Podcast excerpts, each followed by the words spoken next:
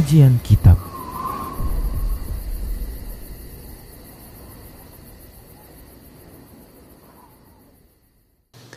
Bismillah, Assalamualaikum warahmatullahi wabarakatuh. Innal hamdalillah nahmaduhu wa nasta'inuhu wa nastaghfiruh wa na'udzu billahi min shururi anfusina wa min sayyiati a'malina man yahdihillah fala mudhillalah wa man yudlilhu fala hadiyalah wa asyhadu an la ilaha illallah wahdahu la syarika lah واشهد ان محمدا عبده ورسوله صلى الله عليه وسلم قال الله تبارك وتعالى يا ايها الذين امنوا اتقوا الله حق تقاته ولا تموتن الا وانتم مسلمون يا أيها الناس اتقوا ربكم الذي خلقكم من نفس واحدة وخلق منها زوجها وبث منهما رجالا كثيرا ونساء واتقوا الله الذي تساءلون به والأرحام إن الله كان عليكم رقيبا يا أيها الذين آمنوا اتقوا الله وقولوا قولا سديدا يصلح لكم أعمالكم ويغفر لكم ذنوبكم ومن يطع الله ورسوله فقد فاز فوزا عظيما. أما بعد فإن أصدق الحديث كتاب الله وخير الهدى هدى رسول الله صلى الله عليه وسلم وشر الأمور محدثاتها وكل محدثة bid'ah wa kulla bid'atin dalalah wa kulla dalalatin finnar Para pemirsa Rosyad TV dan para pendengar Radio Medan Mengaji di mana saja Anda berada, rahimani wa rahimakumullah. Alhamdulillah segala puji hanya untuk Allah zat yang senantiasa memberikan kebaikannya kepada para hamba Selawat serta salam tak lupa kita ucapkan untuk nabinya Nabi tercinta Muhammad sallallahu alaihi wasallam. Yang demikian kita diperintahkan oleh Allah subhanahu wa ta'ala Untuk mengucapkan salam Demikian pula berselawat Untuk beliau sallallahu alaihi wasallam. Allah Subhanahu wa taala berfirman Allah wa malaikatahu yusalluna 'alan nabi. Ya ayyuhalladzina amanu sallu 'alaihi wa sallimu taslima. Sesungguhnya Allah dan para malaikatnya berselawat kepada nabi.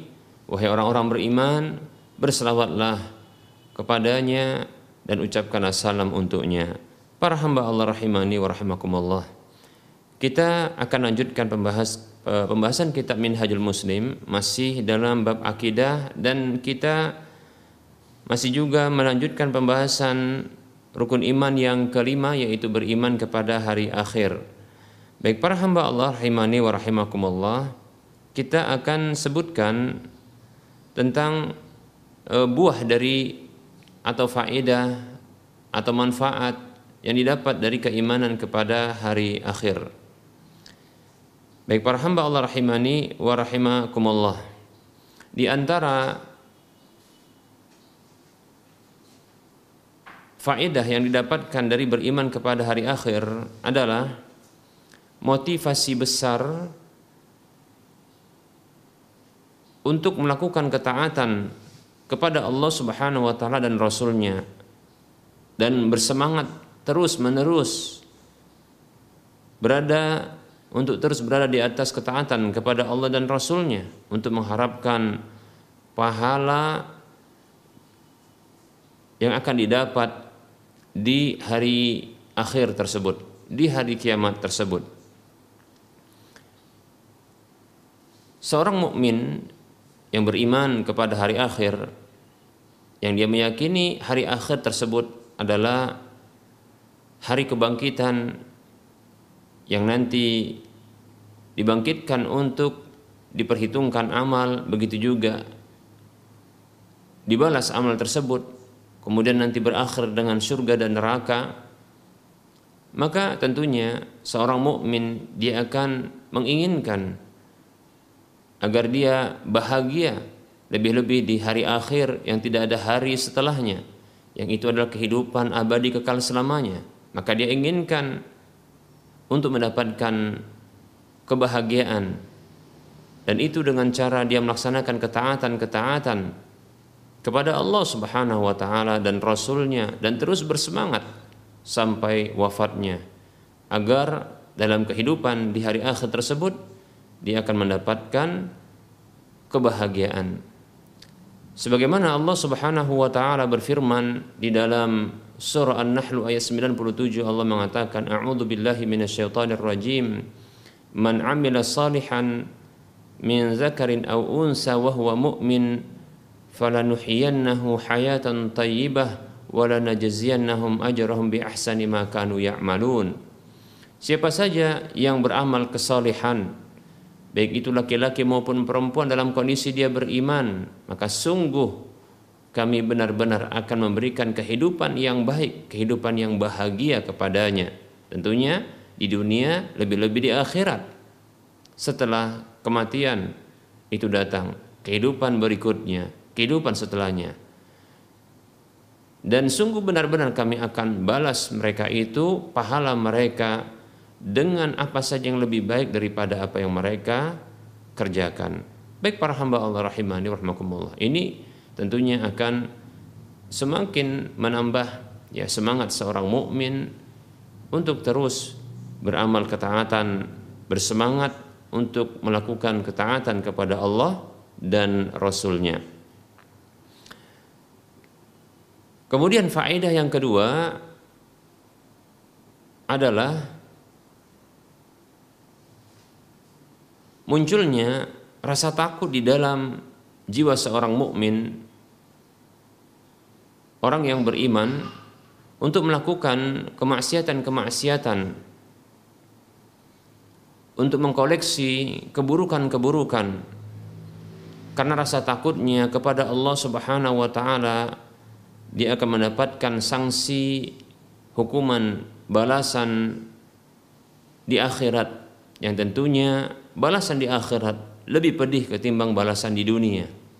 Balasan di dunia terkadang Allah Subhanahu wa taala balas hamba tersebut dengan musibah-musibah yang ternyata musibah-musibah tersebut menghapuskan dosa-dosanya bahkan meninggikan derajatnya.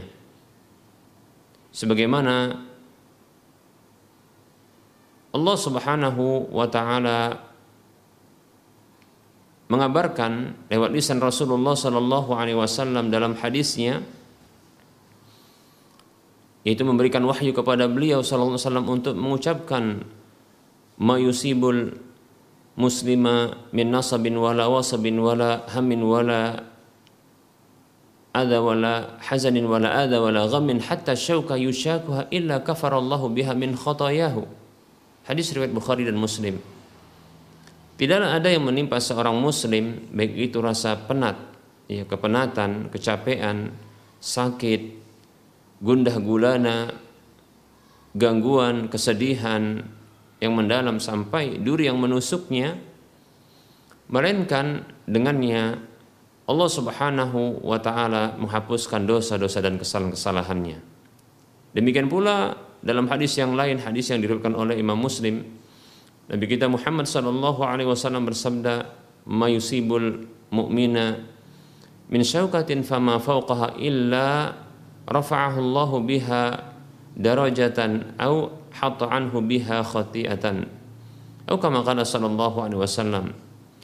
Tidaklah ada musibah yang menimpa seorang mukmin baik itu duri yang menusuknya atau yang lebih dahsyat darinya melainkan dengannya Allah Subhanahu wa taala mengangkat derajatnya atau Allah menghapuskan dengannya kesalahannya. Baik para hamba Allah rahimani wa rahimakumullah. Seorang mukmin apabila ditimpakan kepadanya musibah-musibah disebabkan kesalahan-kesalahan musibah tersebut ditimpakan di dunia maka seorang mukmin seorang muslim lebih berbahagia menunjukkan itu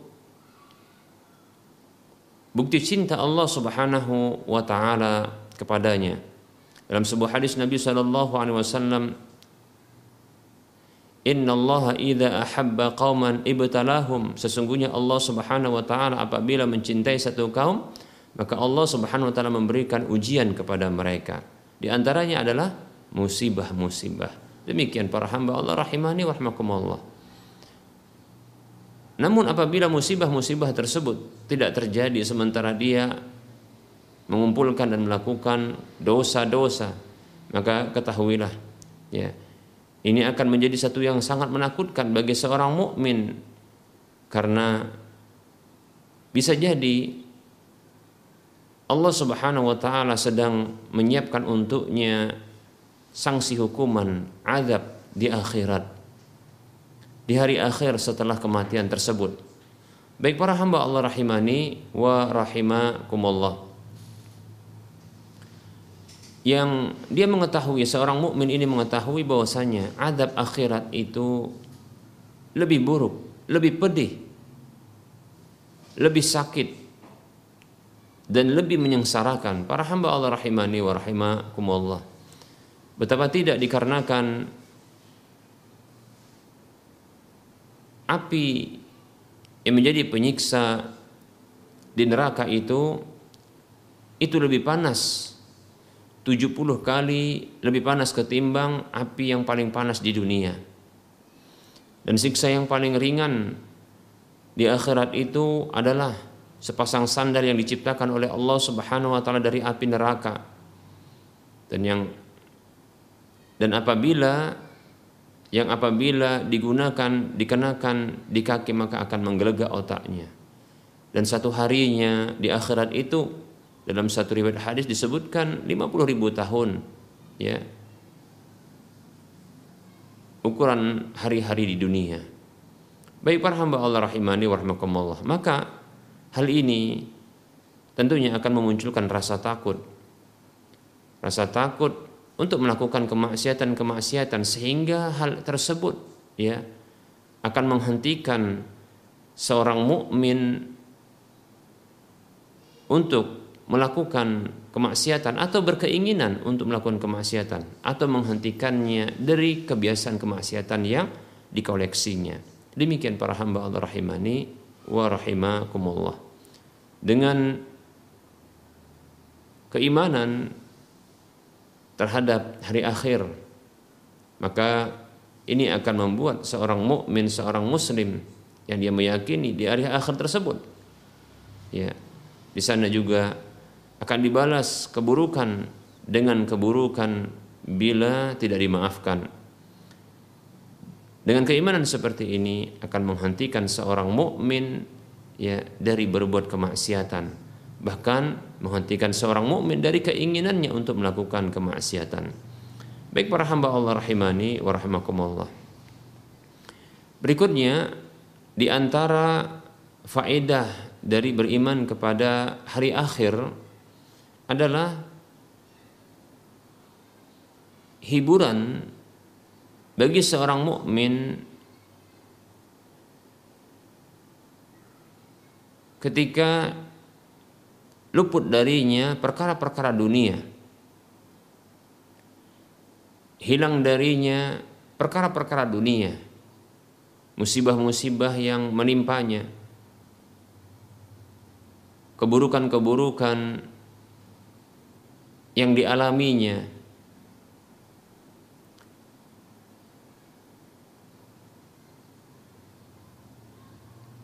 Bala musibah yang dideritanya dan seterusnya dari hal-hal yang ia tidak suka. Ketika terjadi pada dirinya di dunia, maka keimanan dengan hari akhir ini akan menjadi hiburan bagi dirinya bahwa kelak dia akan mendapatkan kenikmatan di akhirat, pahala di akhirat. Tentunya ini akan memotivasi bagi dirinya untuk bersabar, ya, untuk bersabar Baik para hamba Allah rahimani wa rahimakumullah. Dalam kehidupan dunia ini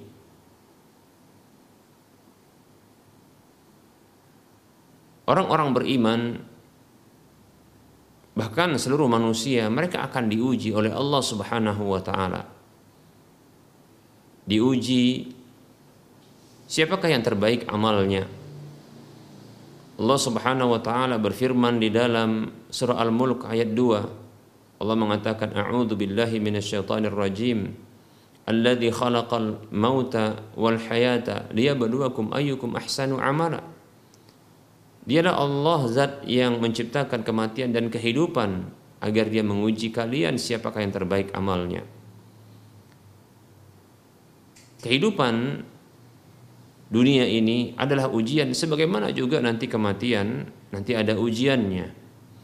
Dalam kehidupan dunia ini kita diuji dengan kebaikan-kebaikan. Apakah kita bisa bersyukur dengannya? Dan juga diuji dengan keburukan-keburukan apakah kita bisa bersabar ya darinya. Allah Subhanahu wa taala berfirman dalam surah Al-Anbiya Allah mengatakan a'udzu billahi minasyaitonir rajim wa nabluukum bisyarri wal khairi fitnatan wa ilaina turja'un. Dan kami uji kalian dengan keburukan dan kebaikan sebagai cobaan ujian dan kepada kami kalian akan dikembalikan. Baik para hamba Allah rahimani wa rahimakumullah. Keburukan-keburukan yang diujikan kepada para hamba maka lulus uji darinya adalah dengan bersabar bersabar dengan apa saja dari keburukan yang menimpanya. Sebaliknya kebaikan-kebaikan yang didapatkannya di dunia itu juga merupakan ujian. Lulus uji darinya adalah dengan bersyukur. Rasulullah Shallallahu Alaihi Wasallam mengkabarkan tentang orang mukmin yang membuat takjub beliau Shallallahu Alaihi Wasallam dalam sebuah hadis yang diriwayatkan oleh Imam Muslim Rasulullah Shallallahu Alaihi Wasallam bersabda ajaban li amril mu'min fa inna amrahu kullahu khairan fa inna fa inna amrahu kullahu khairun wa dzaka li ahadin illa lil mu'min sungguh menakjubkan perkara orang beriman karena sesungguhnya seluruh perkaranya adalah baik dan tidaklah hal itu berlaku dan terjadi bagi seorang pun kecuali bagi orang beriman. In asabathu sarra syakara fakana khairan lahu. Apabila ia dihampiri dengan perkara-perkara yang menyenangkan, membahagiakan, maka dia bersyukur. Maka itu baik baginya. Wa in asabathu darra sabara fakana khairal lahu. Dan apabila kemudaratan-kemudaratan itu menimpanya, maka dia bersabar, maka itu baik baginya. Jadi kehidupan yang dialami oleh seorang mukmin sebagaimana manusia-manusia yang lainnya mengalami kehidupan yang sama, silih berganti kehidupan. Terkadang bahagia, terkadang derita. Terkadang lapang, terkadang sempit. Terkadang susah, terkadang senang. Terkadang ia mendapatkan kebaikan, terkadang juga dia mendapatkan keburukan, silih berganti. Maka tidak ada perkara yang membuat takjub bagi seorang mukmin yang menakjubkan Nabi SAW melainkan dua karakter yang baik yang dimiliki oleh seorang mukmin yaitu sabar dan syukur. Sabar dan syukur. Senantiasa seorang mukmin itu bisa bersabar dalam kehidupannya. Demikian pula dia bisa bersyukur. Para hamba Allah rahimani wa rahimakumullah.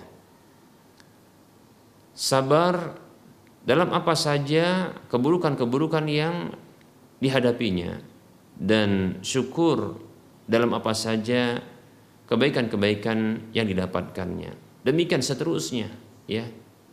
Oleh karenanya dikabarkan oleh Aisyah radhiyallahu anha bahwasanya Nabi kita Muhammad sallallahu alaihi wasallam apabila datang kepada beliau sesuatu yang menyenangkan beliau, maka beliau bersyukur kepada Allah dengan ungkapan beliau alhamdulillahilladzi bi ni'matihi tatimmus salihat.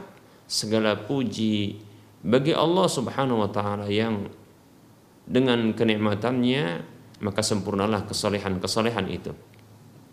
Dan apabila datang kepada beliau perkara yang tidak menyenangkan, sesuatu yang buruk, ya maka beliau pun bersabar kepada Allah Subhanahu wa taala bahkan dengan sabar yang luar biasa di mana beliau mampu untuk memuji Allah Subhanahu wa taala dengan mengatakan alhamdulillah ala kulli hal. Segala puji bagi Allah di setiap kondisi. Demikian. Para hamba Allah rahimani wa rahmakumullah demikian Nabi kita Muhammad SAW mengajarkan kepada kita. Dan itu adalah sikap seorang mukmin yang senantiasa bisa baik di setiap kondisi yaitu dia memiliki dua resep sabar dan syukur. Silih berganti dihadapi kehidupan ini dengan sabar dan syukur. Sabar dan syukur. Demikian para hamba Allah rahimani wa rahimakumullah Ketahuilah rasa syukur yang dilakukan oleh seorang hamba dalam kehidupan dunianya maka ini akan bisa menambahkan kenikmatan-kenikmatan di waktu berikutnya. Bisa jadi kenikmatan itu Allah tambahkan di dunia baik itu pada kualitasnya maupun kuantitasnya. Begitu juga ya. Bisa jadi Allah Subhanahu wa taala tambahkan kenikmatan itu di waktu setelahnya setelah kematiannya. Bahkan setelah kebangkitannya ya di hari akhir kelak. Baik para hamba Allah rahimani warahmatullah Allah Subhanahu wa taala berfirman dalam surah Ibrahim ayat 7 Allah mengatakan a'udzu billahi minasyaitonir rajim wa itta'adzana rabbukum la in syakartum la azidannakum wa la in kafartum inna adzabi lasyadid dan ingatlah tatkala Rabbmu Allah Subhanahu wa taala itu mengumumkan la in syakartum sungguh bila kalian bersyukur bersyukur dengan lisan dengan ucapan alhamdulillah bersyukur dengan hati yaitu dengan mengarahkan semua meyakini semua nikmat itu dan kebaikan itu datang dari Allah. Betapa tidak? Mengapa dia tidak harus meyakini bahwa semua nikmat itu datang dari Allah? Karena Allah sendiri yang mengatakan dalam kitabnya ma asabaka min hasanatin faminallah apa saja dari kebaikan yang menghampirimu maka itu berasal dari Allah wa ma bikum min ni'matin faminallah dan apa saja kenikmatan yang ada pada kalian itu itu berasal dari Allah Subhanahu wa taala. Oleh karenanya setelah itu dia pun mengucapkan Alhamdulillah. Alhamdulillah. Itu ucapan seorang mukmin yang semestinya muncul dari lisannya. Dan itu memang keharusan. Dan seterusnya dia lakukan demikian karena dia menyadari bahwa Allah yang pantas untuk dipuji karena kebaikan-kebaikannya kepada para hamba dalam sebuah hadis Nabi SAW ini hadis kudsi. Allah berfirman, "Faman wajada khaira falyahmadillah." Maka siapa saja mendapatkan kebaikan maka hendaklah dia memuji Allah. Alhamdulillah. Demikian. Hadis riwayat Muslim. Dan kemudian para hamba Allah rahimani wa rahimakumullah seorang hamba tersebut ya dia pun bersyukur dengan anggota tubuhnya bahkan seluruh kenikmatan potensi yang ada dari kenikmatan-kenikmatan yang telah Allah berikan kepadanya maka itu diarahkan untuk mentaati Allah Subhanahu wa taala, berbuat kebaikan dan kesolehan. Demikian. Allah Subhanahu wa taala berfirman, "Wa may yaqtarif hasanatan nazid lahu fiha husna." Siapa saja yang melakukan ketaatan, melakukan kebaikan, ya. Ini sebagai bentuk syukurnya kepada Allah maka nazidalahu fiha husna kami kata Allah Subhanahu wa taala tambahkan untuk dia pada kebaikan dan ketaatan yang telah dia lakukan tersebut ya itu kebaikan yang lainnya. Demikian para hamba Allah rahimani wa rahimakumullah. Kesyukuran itu akan menghadirkan kebaikan-kebaikan ya dan balasan-balasan kenikmatan di waktu berikutnya. Demikian para hamba Allah rahimani wa rahimakumullah. Begitu juga maka dia pun bersabar bersabar ya. Seorang mukmin dia pun bersabar dalam kehidupan dunianya ketika keburukan-keburukan itu menimpanya. Karena sesuatu itu memang tidak bisa dielakkan. Dan itu sebagai bentuk keridoannya kepada Allah Subhanahu wa taala, maka dia pun ridho juga dengan ketetapan yang Allah tetapkan untuknya. Tidak ada pilihan baginya kecuali dia harus ridho dan sabar kepada ketetapan Allah Subhanahu wa taala tersebut. Dia tidak menggugat Allah Subhanahu wa taala dengan lisan maupun perbuatannya. Ya. Hatinya begitu ridho dengan ketetapan Allah tersebut. Ya. Betapapun menyakitkan, betapapun beratnya musibah atau himpitan hidup yang dideritanya. Karena sesungguhnya dia meyakini, seorang mukmin meyakini bahwasanya tatkala Allah Subhanahu wa taala memberikan beban kehidupan tersebut kepada dirinya itu adalah sesuai dengan kemampuannya. Ia meyakini firman Allah Subhanahu wa taala la yukallifullahu nafsan illa wus'aha. Tidaklah Allah Subhanahu wa taala memberikan beban kepada sebuah jiwa kecuali sesuai dengan kemampuannya. Demikian. Baik para hamba Allah rahimani wa rahimakumullah. Lebih-lebih dia meyakini bahwasanya dengan sabar dia akan mendapatkan dan mengkoleksi pahala yang begitu banyak. Karena dia meyakini firman Allah Subhanahu wa taala dalam surah Az-Zumar ayat 11, maaf ayat 10. Allah mengatakan, A'udzu billahi minasyaitonir rajim. Innama yuwaffas sabiruna ajrahum bighairi hisab.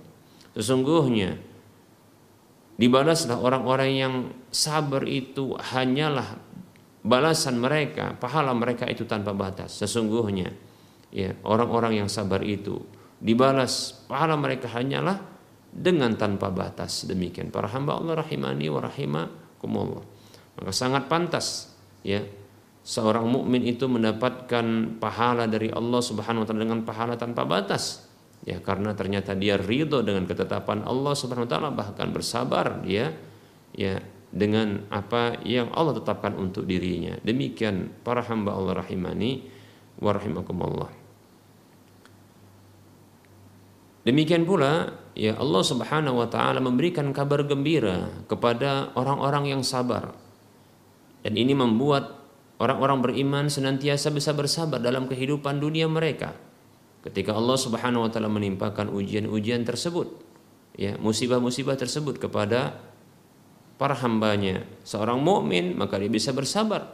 Karena Allah memberikan kabar gembira kepadanya Allah Subhanahu wa taala berfirman dalam surah Al-Baqarah ayat 155, 156 dan 157 Allah mengatakan a'udzu billahi minasyaitonir rajim. Walanabluwannakum bisyai'in minal khawfi wal ju'i wa naqsin minal amwali wal anfusi was samarat wa basyiris sabirin. Alladzina idza asabathum musibatun qalu inna lillahi wa inna ilaihi raji'un. Ulaika alaihim salawatu min rabbihim wa rahmah wa ulaika humul muhtadun. Baik para hamba Allah rahimani wa rahimakumullah. Allah Subhanahu wa taala berfirman yang artinya dan sungguh benar-benar kami akan uji kalian dengan sedikit rasa takut. Jadi yang diuji oleh diujikan kepada manusia ini oleh Allah Subhanahu wa taala itu adalah sedikit, sedikit dari rasa takut dan kebanyakan dari kehidupan kita adalah rasa aman. Rasa takut itu hanya sedikit saja. Demikian. Itu pun hanya ujian saja, ya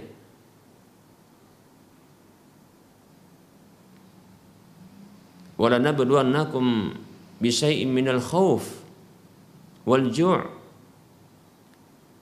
dan sungguh kami benar-benar akan menguji kalian dengan sedikit dari rasa takut dan rasa lapar wa minal amwali wal anfus. Dan sedikit kekurangan dari harta dan jiwa. Kekurangan harta dan jiwa itu sedikit para hamba Allah rahimani warahmatullah. Wasamarat begitu juga bahan makanan, ya harta kurang, ya dengan apakah hilang, apakah mungkin dicuri, ya, ataukah mengalami kerugian? Demikian, atau berkurangnya jiwa yaitu dengan wafatnya orang-orang yang kita cintai. Begitu juga ya bahan makanan.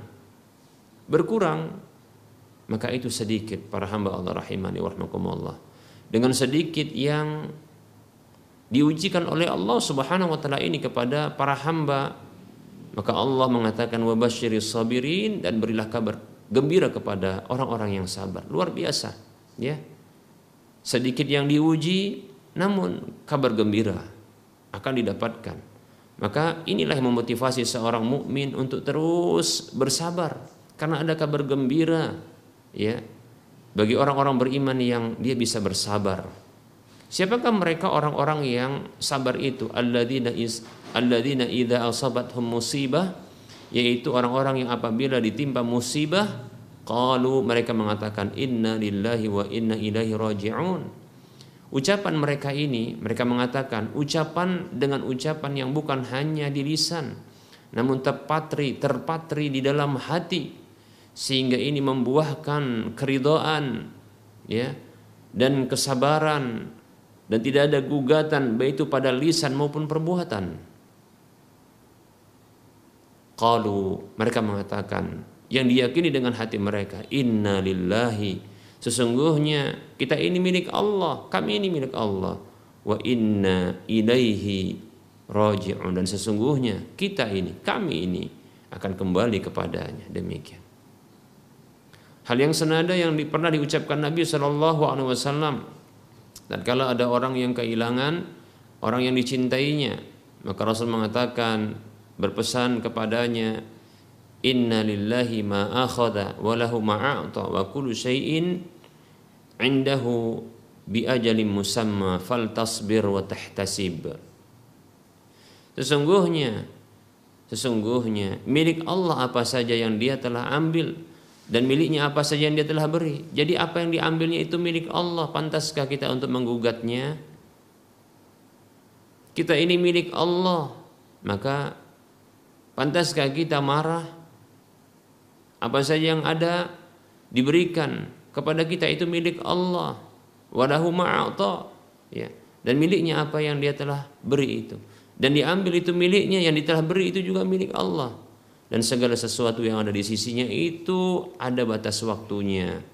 Maka ketika diambil ya pemberian tersebut maka bersabarlah dan mohonlah ya pahala haraplah pahala dari Allah Subhanahu wa taala yang pahala tersebut tanpa batas. Demikian para hamba Allah rahimani warahmatullah. Maka ini akan membuat seorang mukmin bersabar. Ini ucapan yang bukan hanya sekedar di lisan, tapi juga terpatri di dalam jiwa setiap insan beriman. Baik para hamba Allah rahimani wa rahimakumullah. Didapatkan dan ini merupakan janji dari Allah Subhanahu wa taala untuk orang-orang beriman yang bisa bersabar. Maka Allah janjikan ulaika alaihim salawatu min rabbihim. Mereka itulah orang-orang yang mendapatkan salawat dari Rabb mereka. Salawat Allah kepada para hamba, para hamba ya adalah pujian Allah Subhanahu wa taala, sebutan Allah, sanjungan Allah Subhanahu wa taala kepada hamba-hamba tersebut di kalangan para malaikat yang ada di sisinya. Ya sungguh pantaslah orang-orang yang lulus uji itu mendapatkan pujian dari Allah Subhanahu wa taala. Sebagaimana layaknya ya kalau kita dapatkan seorang guru yang mendapatkan murid-muridnya lulus ujian dengan gemilang maka kita katakan tentunya sang guru tersebut akan memuji dengan pujian yang terkadang berlebihan untuk sang murid tersebut karena telah lulus ujian demikian ya seperti itu. Maka pantas juga tentunya Allah Subhanahu wa taala lebih utama. Ya walillahil masalul a'la. Allah itu bagi Allah permisalan yang sangat tinggi. Ya, maka pantas ya bagi Allah SWT untuk memuji para hamba yang lulus uji ujian-ujian darinya. Demikian. Begitu juga akan mendapatkan warahmah ya, dapatkan rahmat. Jadi ketika hamba-hamba tersebut ya lulus ujian dengan cara bersabar, maka Allah puji mereka di kalangan para malaikat yang ada di sisinya. Maka jadilah hamba-hamba tersebut, hamba-hamba beriman yang mereka ini bersabar mereka menjadi hamba-hamba populer, manusia-manusia populer di kalangan makhluk malaikat yang ada di sisi Allah di langit itu. Luar biasa para hamba Allah rahimani rahimakumullah. Ya.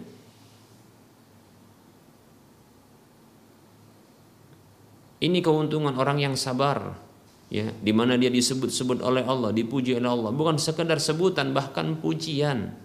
Pujian. Bahkan itu dipuji oleh penguasa, pencipta jagat raya. Demikian. Dan itu dipuji di hadapan para makhluk-makhluk yang tak tahu kita jumlahnya berapa. Karena begitu banyaknya. Ini sudah kita bahas ya. Ketika kita ya menjelaskan tentang keimanan kepada para malaikat yang jumlah mereka tidak kita ketahui banyaknya demikian dan itu ada di langit-langit Baik para hamba Allah rahimani warahmatullah. Demikian pula Allah SWT akan memberikan rahmat wa rahmah dan Allah akan berikan rahmat kasih sayangnya. Betapa butuhnya seorang hamba kasih sayang Allah Subhanahu wa taala. Walaupun saat ini kita telah mendapatkan kasih sayang, maka kita butuh untuk mendapatkan kasih sayang berikutnya dan seterusnya. Ya. Kita butuh dengan rahmat Allah Subhanahu wa taala, kasih sayang Allah Subhanahu wa taala. Allahumma arhamna Allahumma arhamna Allahumma arhamna Ya Allah rahmati kami Ya Allah rahmati kami Ya Allah rahmati kami Demikian Dengan sabar Lulus uji Dengan kesabarannya Maka seorang hamba akan mendapatkan Kasih sayang Allah berikutnya Demikian Sampai Allah subhanahu wa ta'ala Ya akan berikan dia kasih sayangnya yang terbesar di akhirat kelak. Demikian. Dengan kehidupan-kehidupan yang membahagiakan. Baik para hamba Allah rahimani rahimakumullah berikutnya ya. Allah mengatakan wa ulaika humul muhtadun dan mereka itu adalah orang-orang yang mendapat petunjuk. Mendapatkan bimbingan Betapa mahalnya bimbingan dan petunjuk Allah Subhanahu wa taala karena tidak setiap orang mendapatkan petunjuk dan bimbingan dari Allah Subhanahu wa taala. Ya. Bila kita melihat kepada manusia saat ini, apakah mereka semua mendapatkan bimbing, bimbingan Allah dan petunjuk dari Allah? Tidak. Ya. Bahkan orang-orang yang telah mendapatkan kenikmatan Islam untuk masuk ke dalam agama Islam di antara mereka ada yang tidak mendapatkan petunjuk dari Allah untuk melakukan ketaatan. Sungguh butuhnya kita terhadap petunjuk Allah ini. Begitu mahalnya petunjuk dan bimbingan Allah tersebut. Petunjuk Islam untuk masuk ke dalam Islam itu akan menyelamatkan seorang hamba dari kekekalan adab di neraka. Demikian pula petunjuk di dalam Islam untuk melakukan ketaatan. Yang dengan petunjuk ini akan menyelamatkan seorang hamba dari mencicipi siksa neraka. Demikian. Baik para hamba Allah rahimani warahmatullah ya. Butuh kita untuk mendapatkan petunjuk. Oleh karenanya ya Orang-orang beriman yang mereka sabar ketika diuji oleh Allah maka mereka akan mendapatkan petunjuk dari Allah Subhanahu wa taala. Baik para hamba Allah rahimani warahmatullah. Maka seorang mukmin seterusnya dia akan bersabar. Bersabar dalam kehidupannya. Bahkan dia akan bersabar terus sampai dia bisa masuk ke dalam negeri orang-orang sabar yaitu surga Allah Subhanahu wa taala. Allah berfirman dalam surah Al-Insan ayat 12 Allah mengatakan A'udzu billahi minasyaitonir rajim wa jazahum bima sabaru jannata wa harira. Dan dia yaitu Allah Subhanahu wa taala membalas mengganjar mereka itu disebabkan kesabaran mereka dahulu itu dengan surga dan sutra. Semoga Allah Subhanahu wa taala memasukkan kita ke negeri orang-orang yang sabar ya yaitu surga semoga Allah memberikan kepada kita kenikmatan-kenikmatan ya kenikmatan kenikmatannya kepada kita di dunia maupun di akhirat. Amin ya rabbal alamin. Baik para hamba Allah rahimani warahmatullah ini yang bisa kita bahas pada pertemuan kali ini ya. Insyaallah taala kita akan lanjutkan pada waktu mendatang menyebutkan tentang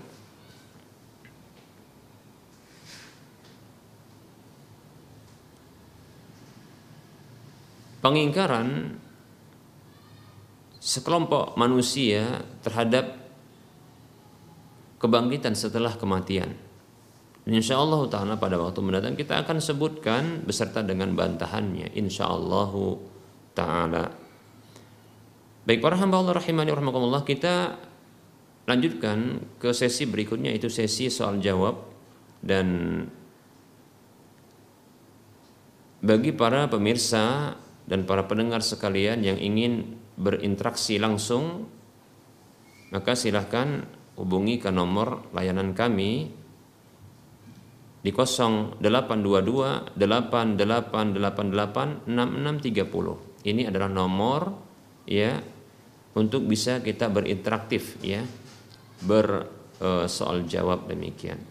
Adapun yang ingin bertanya ya lewat chatting WhatsApp maka silahkan arahkan pertanyaan Anda ke nomor layanan kami 0852 6190 4177 0852 6190 4177 demikian para hamba Allah rahimani wa kita uh, akan menjawab pertanyaan yang telah masuk terlebih dahulu. Baik ya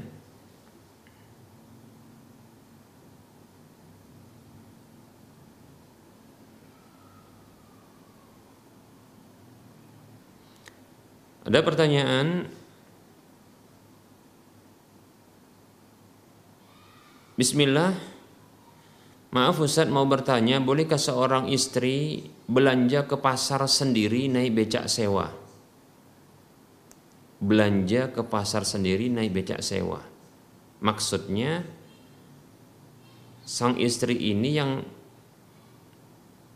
Naikin becak tersebut ya Atau dia dibonceng sama orang lain. Baik ya.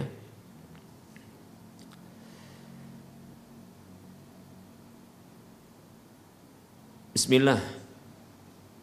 Keluarnya seorang wanita dari rumah maka ini wajib terpenuhi beberapa syarat-syaratnya.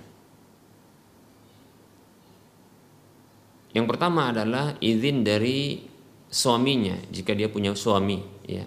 Atau izin dari walinya bila dia memiliki wali ya. Jadi wajib dia mendapatkan izin terlebih dahulu ya untuk dia keluar rumah baik berbelanja ataupun apa pun ya. Kemudian yang kedua ya dia mem memakai pakaian syar'i yang menutup auratnya ya menutup auratnya tidak boleh baginya untuk memakai pakaian yang membuka sebahagian dan menutup sebahagian auratnya. Ya. Dan tidak boleh dia memakai pakaian yang ketat sehingga membentuk lekuk-lekuk tubuhnya yang itu adalah aurat baginya. Dan tidak boleh baginya untuk memakai pakaian yang transparan sehingga tampak terawang ya tubuhnya demikian. Dan tidak boleh dia memakai pakaian yang menyerupai pakaian wanita-wanita jahiliyah. Ya. Atau wanita-wanita fasik. Demikian. Tidak boleh baginya untuk memakai wangi-wangian yang menebarkan aroma. Karena disebutkan dalam satu hadis Nabi SAW ya wanita mana saja yang keluar dari rumahnya lalu dia melewati sekelompok pria dia memakai wangi-wangian ya agar tercium oleh para laki tersebut maka dia adalah pezina demikian ya maka tidak boleh bagi wanita ketika keluar rumah dia memakai wangi-wangian yang menebar aroma ya harum tersebut harum ya dari pakaiannya atau tubuhnya demikian. Berikutnya adalah ya tidak boleh baginya untuk bagi wanita tersebut ketika dia keluar rumah itu berkhalwat yaitu berduaan. Berduaan pada satu tempat begitu ya. Seperti contohnya adalah eh, perempuan yang berada ya sendirian di dalam mobil bersama dengan supirnya. Dan supirnya itu bukanlah suaminya juga bukan ya uh, mahramnya demikian. Disamakan dengan itu adalah ya mobil-mobil taksi. Atau kita katakan mobil angkot ya angkutan kota ya atau semisalnya yang apabila ini hanya berdua saja demikian ya. Apabila terpisah ya, terpisah. Seperti contohnya eh, ada pemisah antara ya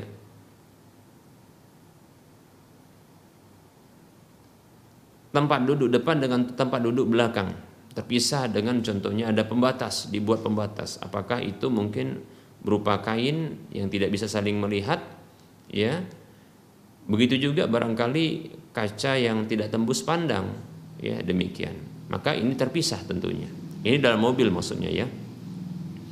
Adapun eh, ketika dengan becak ya baik itu becak dayung ataupun becak mesin yang posisi eh, abang becak tersebut ya dengan sewa atau dengan penumpangnya itu terpisah maka wallahu taala alam ini terpisah. Maka tidak mengapa insya Allah taala. Ya tidak mengapa. Ya. Kalau di sebagian e, pulau Jawa ya ini posisi penumpang itu di depan ya. Adapun kalau di Sumatera itu posisi penumpang itu di samping. Demikian nah, seperti itu. Dan ini terpisah insya Allah taala. Demikian ya. Maka saya condong itu dibolehkan tapi sebaiknya mungkin lebih dibatasi ya. Sehingga kita katakan ya e, penumpang itu tidak terlihat dengan bebas oleh abang becaknya tersebut ya. Lebih-lebih ketika angin itu berhembus lalu menyingkap sebahagian auratnya demikian. Atau sebagian pakaiannya lalu terbuka auratnya.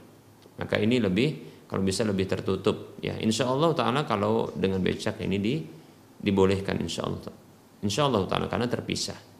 Adapun dengan taksi ya atau begitu juga dengan apa namanya mobil pribadi tapi dengan supir e, pribadi yang bukan suami ataupun mahram maka sebaiknya terpisah ya di, di belakang dan itu diharuskan adanya pemisah seperti kain ya sehingga tidak bertatap ya. Kalau bisa pun kalau bisa ya itu tidak sendirian ya. Wallahu taala alam. Bersamaan e, begitu juga tidak boleh untuk e, safar tanpa mahram ya. Apabila wanita tersebut dia keluar ya itu sampai menempuh jarak safar maka ini harus dengan mahramnya.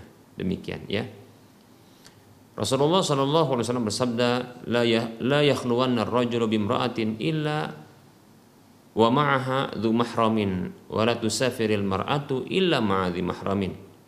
Kata Nabi SAW ini hadis dari sahabat Ibnu Abbas radhiyallahu anhu Rasulullah Wasallam bersabda, ya. Janganlah ada seorang laki-laki berduaan dengan seorang wanita kecuali bersama wanita itu mahramnya dan tidak boleh seorang wanita itu bersafar kecuali bersama dengan mahramnya. Demikian. Hadis yang sahih. Berikutnya tidak boleh bersentuhan. Ya bersentuhan eh, tentunya berpelukan begitu juga berdempetan ya. Eh, berdesak-desakan dengan laki-laki ya. Seperti contohnya ya di angkot ya naik angkot begitu ternyata itu padat. Maka kita katakan ini bahaya bagi wanita seperti ini ya. Yang tentunya dia akan bersentuhan dengan laki-laki kecuali kalau penumpangnya semua adalah wanita. Namun apabila beragam ya tentunya ini sangat potensi untuk bisa dia berdesak-desakan dengan para lelaki dan itu tidak dibolehkan. Ya karena Nabi SAW bersabda ya tentang persentuhan ya. Kata Nabi SAW ya la an la, la an yuta'ana fi ra'si ahadikum bi mikhyatin min hadidin khairun lahu an yamassa imra'atan lam tahilla lahu. Atau kama qala sallallahu ini hadis riwayat Tabrani. Kata Nabi SAW sungguh ya sungguh ditusuknya pada kepala salah seorang di antara kalian dengan pasak dari besi itu lebih baik baginya ketimbang dia menyentuh wanita yang tidak halal baginya. Demikian. Ya istrinya itu halal baginya. Selain istrinya dan selain mahramnya maka itu haram baginya. Demikian. Untuk dia sentuh. Kecuali budak budak wanitanya. Namun tidak ada sekarang budak wanita. Demikian ya. Baik ini uh, aturan-aturan yang digariskan oleh para ulama berdasarkan dalil-dalilnya ya bagi para wanita yang ingin keluar ya dari rumahnya. Demikian. Wallahu taala alam.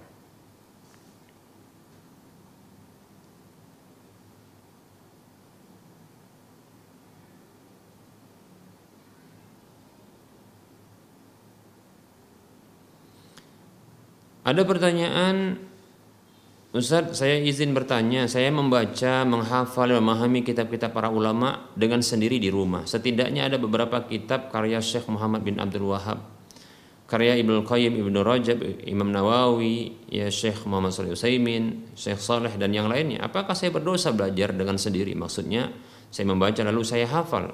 Ahsanallahu ilaikum. Wa anta kadzalik Semoga Allah Subhanahu wa taala memberikan kebaikan kepada antum di mana saja antum berada, ya. Kita katakan sekedar untuk membaca kemudian menghafal ya dan ber, dan berusaha untuk memahami kitab-kitab para ulama ya dengan sendiri rumah maka ini sebaiknya ya dijadikan itu sebagai bentuk murojaah ya tambahan. Namun yang inti adalah belajar bersama dengan guru yaitu seorang ustadz atau guru yang kompeten di bidangnya yang memahami ya pelajaran-pelajaran yang dipelajarinya tersebut demikian. Ya. Terkadang ada sebahagian ya ungkapan dari para ulama tersebut yang terkadang sulit untuk dipahami oleh sebagian orang. Memang tidak semua orang tapi sebagian orang ya. Maka ini dibutuhkan untuk bertanya ya. Fasalu ahla dzikri in kuntum la ta'lamun. Bertanyalah kepada orang yang tahu bila kamu tidak tahu. Demikian. Tanya. Demikian. Seperti itu. Ya. Dan tentunya kalau kitab-kitab ini adalah kitab yang apabila ternyata kitab tersebut kitab terjemahan maka kita katakan Tentunya kita mengikuti model pemahaman para penterjemah, ya, seperti itu. Terkadang bisa tepat, terkadang tidak juga tepat. Demikian, ya. Kalaupun seandainya kita memahami bahasa Arab, nah ini tentunya tergantung kualitas kemampuan kita dalam pemahaman bahasa Arab tersebut. Ya ketika eh, hendak berinteraksi dengan kitab-kitab para ulama demikian. Terkadang ada sebagian ya para ulama tersebut yang mengungkapkan tulisan-tulisannya itu dengan bahasa yang sedikit sulit ya. Namun berbeda dengan Syekh Muhammad SAW Utsaimin rahimahullah taala bahasa beliau ini lebih mudah untuk dipahami ya demikian. Seperti itu. E, maka saya sarankan ya e, jadikan membaca, menghafal dan memahami kitab para ulama sendiri di rumah itu itu sebagai tambahan bukan inti, sebagai tambahan bukan inti, ya. Demikian, ya. Adapun inti tetap belajar ya bersama dengan guru ustadz yang berkompeten. Karena dikhawatirkan ini ada sesuatu uh, ungkapan dari para ulama tersebut yang terkadang tidak bisa dipahami ya dengan apa adanya. Ini butuh penjelasan dari uh, guru yang memahami masalah tersebut.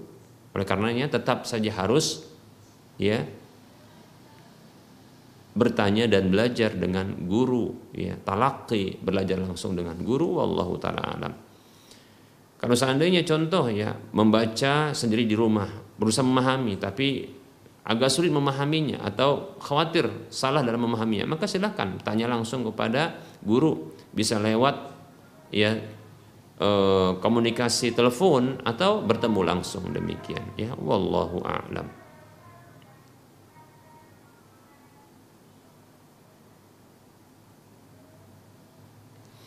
Ada pertanyaan? Bismillah. Assalamualaikum warahmatullahi wabarakatuh. Maaf Ustadz mengganggu ya Ada pertanyaan perihal sedekah. Sedekah apakah yang paling baik dan diutamakan itu Ustadz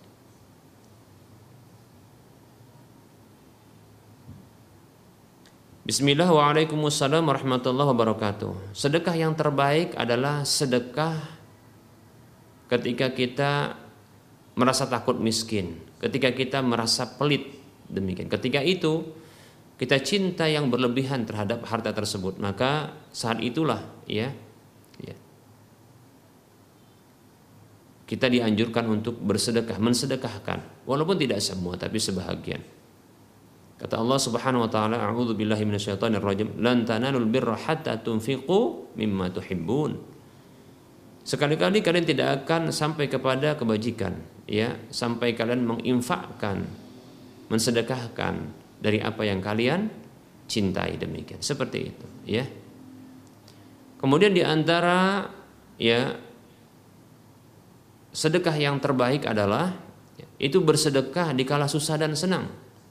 Bukan hanya dalam kondisi senang saja bersedekah tapi dalam kondisi susah juga bersedekah ya. Karena Allah Subhanahu wa taala berfirman dalam surah Ali Imran ayat 133 dan 134 Allah mengatakan a'udzu billahi minasyaitonir rajim. Wasari'u ila maghfirati min rabbikum wa jannatin 'arduha as-samawati wal ard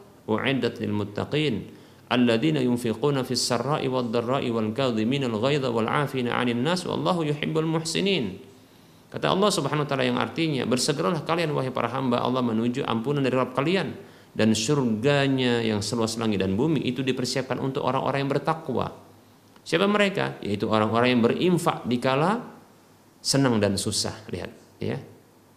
Menahan amarah dan memaafkan manusia dan Allah mencintai orang-orang yang berbuat baik. Seperti itu, ya. Jadi berinfak, bersedekah di kala susah dan senang, senang dan susah. Demikian. Itu yang afdal. Kemudian ya di antara sedekah yang paling afdol adalah bersedekah kepada sesuatu yang manfaatnya ini berterusan dan akan mengalirkan pahala. Ya, ini disebut dengan sedekah jariah. Ya. Seperti contohnya bersedekah ya ke pembebasan lahan ya seperti yang alhamdulillah kita di Medan ini sedang membebaskan lahan ya di Medan ini kita sedang membebaskan lahan untuk dibangun masjid di atas lahan tersebut Masjid Al-Muwahhidin untuk wilayah Medan dan sekitarnya. Dan bisa diarahkan kepada pembebasan lahan seperti ini. Karena manfaatnya itu bukan hanya manfaat dunia, bahkan manfaat akhirat. Maksudnya adalah eh, kegiatan-kegiatan yang dilakukan nanti di lahan-lahan di lahan tersebut adalah kegiatan yang bersifat ukhrawi. Salat, ya, baik itu salat wajib maupun salat sunat, kemudian kajian-kajian ilmiah, demikian seperti itu dan seterusnya, ya. Nah, ini apa namanya? Tentunya lebih besar pahalanya seperti itu, ya. Rasulullah SAW bersabda, "Idza matal insanu inqata amaluhu illa min salasin." Apabila manusia itu mati, maka terputus amalnya kecuali dari tiga jalur. min sadaqatin jariyatin dari sedekah jariah yaitu sedekah yang sifatnya permanen ya yang mengalir apanya pahalanya karena dimanfaatkan terus demikian. Jadi kalau bisa bersedekah itu dengan sesuatu yang akan terus dimanfaatkan. Dengan sesuatu yang bersifat permanen yang akan terus dimanfaatkan. Sehingga manfaat mengalir dengan itu pahala pun mengalir. Demikian. Atau ilmin yuntafa'u atau ilmu yang bermanfaat. Ini juga manfaat yang akan mengalir terus. Awaladin salih atau anak yang ini juga sifatnya permanen sampai hidupnya. Ketika dia melakukan kesolehan-kesolehan dan berdoa kebaikan maka ini akan mengalir pahalanya kepada orang tersebut. Demikian ya, hadis riwayat muslim dan yang lainnya. Baik ini ya sedekah-sedekah yang uh, yang afdal insyaallah taala ya. Namun ini sekelumit dari apa yang bisa kita sampaikan tentunya dan masih banyak lagi yang disampaikan oleh para ulama. Wallahu taala alam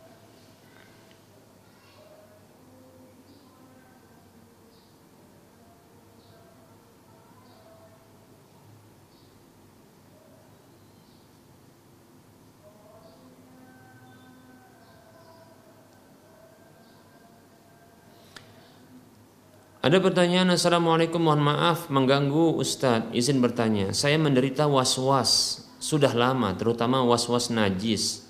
Saya kesulitan setiap berhadapan dengan najis dan menghabiskan sangat banyak air setiap kali istinja. Dan membersihkan sesuatu yang terkena najis rasanya seperti belum bersih, bersih saja. Saya juga pernah beberapa kali tidak menyikapi najis dengan benar seperti menunda-nunda membersihkan. Kadang juga tidak membersihkan sama sekali karena merasa sudah lelah setiap menghadapi najis tersebut. Saya tahu itu salah dan sekarang menambah was-was saya. Saya merasa najisnya menyebar ke seisi rumah, ke seisi rumah. Terutama ke benda-benda yang basah. Saya ingin mensucikan semua Ustaz, tapi saya merasa sangat berat jika harus mensucikan setiap barang. Ditambah lagi keadaan saya yang belum mampu mensucikan seperti lainnya orang normal. Apa yang harus saya lakukan Ustaz? Apakah ada keringan untuk saya selama saya belum sembuh? Saya takut salat dan ibadah saya yang lainnya tidak sah.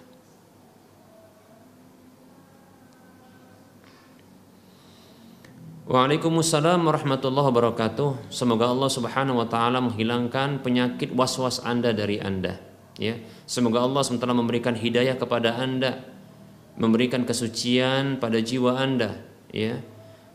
Dan semoga Allah SWT memasukkan Anda termasuk orang-orang yang suka bersuci, ya. Dan kemudian memasukkan Anda ke surganya. Amin ya rabbal alamin. Satu yang saya pahami dari Anda adalah Anda kena penyakit was-was dan itu dari syaitan. Anda terlalu memperturutkan ya keinginan syaitan. Demikian. Putus, putuskan keinginan syaitan tersebut. Ini masalah besar ya, berat. Bila Anda mengikuti keinginan syaitan, was-was dari syaitan. Ya. Sesungguhnya ini perkara yang mudah dan ringan Mengapa? Karena najis itu adalah sesuatu yang bisa di diindra demikian. Nah, apabila dia tidak kelihatan maka tidak perlu kita pusingkan begitu. Makanya bersuci dari najis termasuk disebut dengan ya at-taharah al-haqiqiyah yaitu bersuci yang bersifat hakiki karena bendanya itu bisa dilihat dan diindra demikian. Makanya sebaiknya yang Anda lakukan pertama sekali adalah anda memohon perlindungan kepada Allah dari was-was syaitan. Ya. Kalau tidak bisa dengan bahasa Arab dengan bahasa Indonesia, berdoa senantiasa dalam setiap ya solat maupun di luar solat. Ketika antara adzan dan iqamat, juga begitu juga di pertengahan malam. Ya, berdoa kepada Allah Subhanahu wa taala agar dihilangkan gangguan ya dari syaitan, was-was syaitan demikian. Ya. Bisa juga senantiasa membaca a'udzu billah ya. A'udzu billahi min hamazati syaitan atau min hamazati syayatin ya. Begitu juga a'udzu billahi minasyaitonir rajim bisa demikian ya. Seperti itu.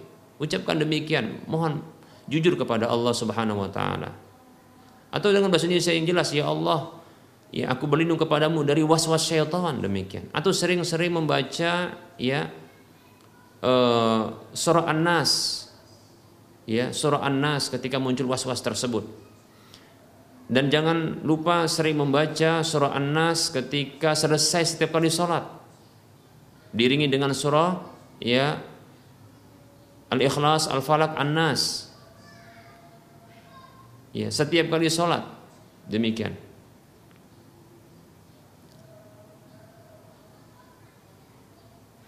Demikian pula di waktu pagi dan petang ya itu masing-masing tiga kali. Seperti itu ya. Al-Ikhlas, Al-Falaq, An-Nas masing-masing tiga kali. Itu rutin kan demikian. Untuk memperkecil pengaruh waswas syaitan tersebut demikian. Kemudian berikutnya adalah tindakan eh, apa namanya bentuk eh, perlakuan di setiap tindakan ya yaitu harus harus punya mindset. Ya merubah mindset kembali. Bahwasanya najis itu adalah sesuatu yang bisa diindra. Bila tidak bisa dilihat maka itu sesuatu yang di luar kemampuan kita. Maka jangan sampai kita memiliki keyakinan bahwasanya najis itu menyebar dengan menjalar seperti itu. Itu penyakit. Dan ini dikhawatirkan jatuh kepada ya salah satu penyakit gila ya kegilaan. Nah ini berlebihan. Ini dikhawatirkan ya lama kelamaan bila dipelihara yang seperti ini jatuh kepada ketidakwarasan. Demikian. Maka tidak perlu demikian ya. Bila tidak terlihat maka cukup sudah ya. Apa adapun yang apa namanya adapun yang e, tampak atau yang sudah bisa diidentifikasi maka bersihkan dengan air ya. Maka untuk menghilangkan baunya bisa dengan sabun. Demikian. Seperti itu Jangan terlalu berlebihan, ya. Karena berlebihan ini ya ini akan membuat celaka. Halakal mutanatti'un, halakal mutanatti'un, halakal mutanatti'un. Celakalah orang-orang yang berlebihan, celakalah orang-orang berlebihan, binasalah orang yang berlebihan, akan binasa demikian. Ya. Inna dina yusrun. Sesungguhnya agama itu mudah insya Allah ya. Jangan diperberat. Seperti itu. Itu was-was syaitan ya.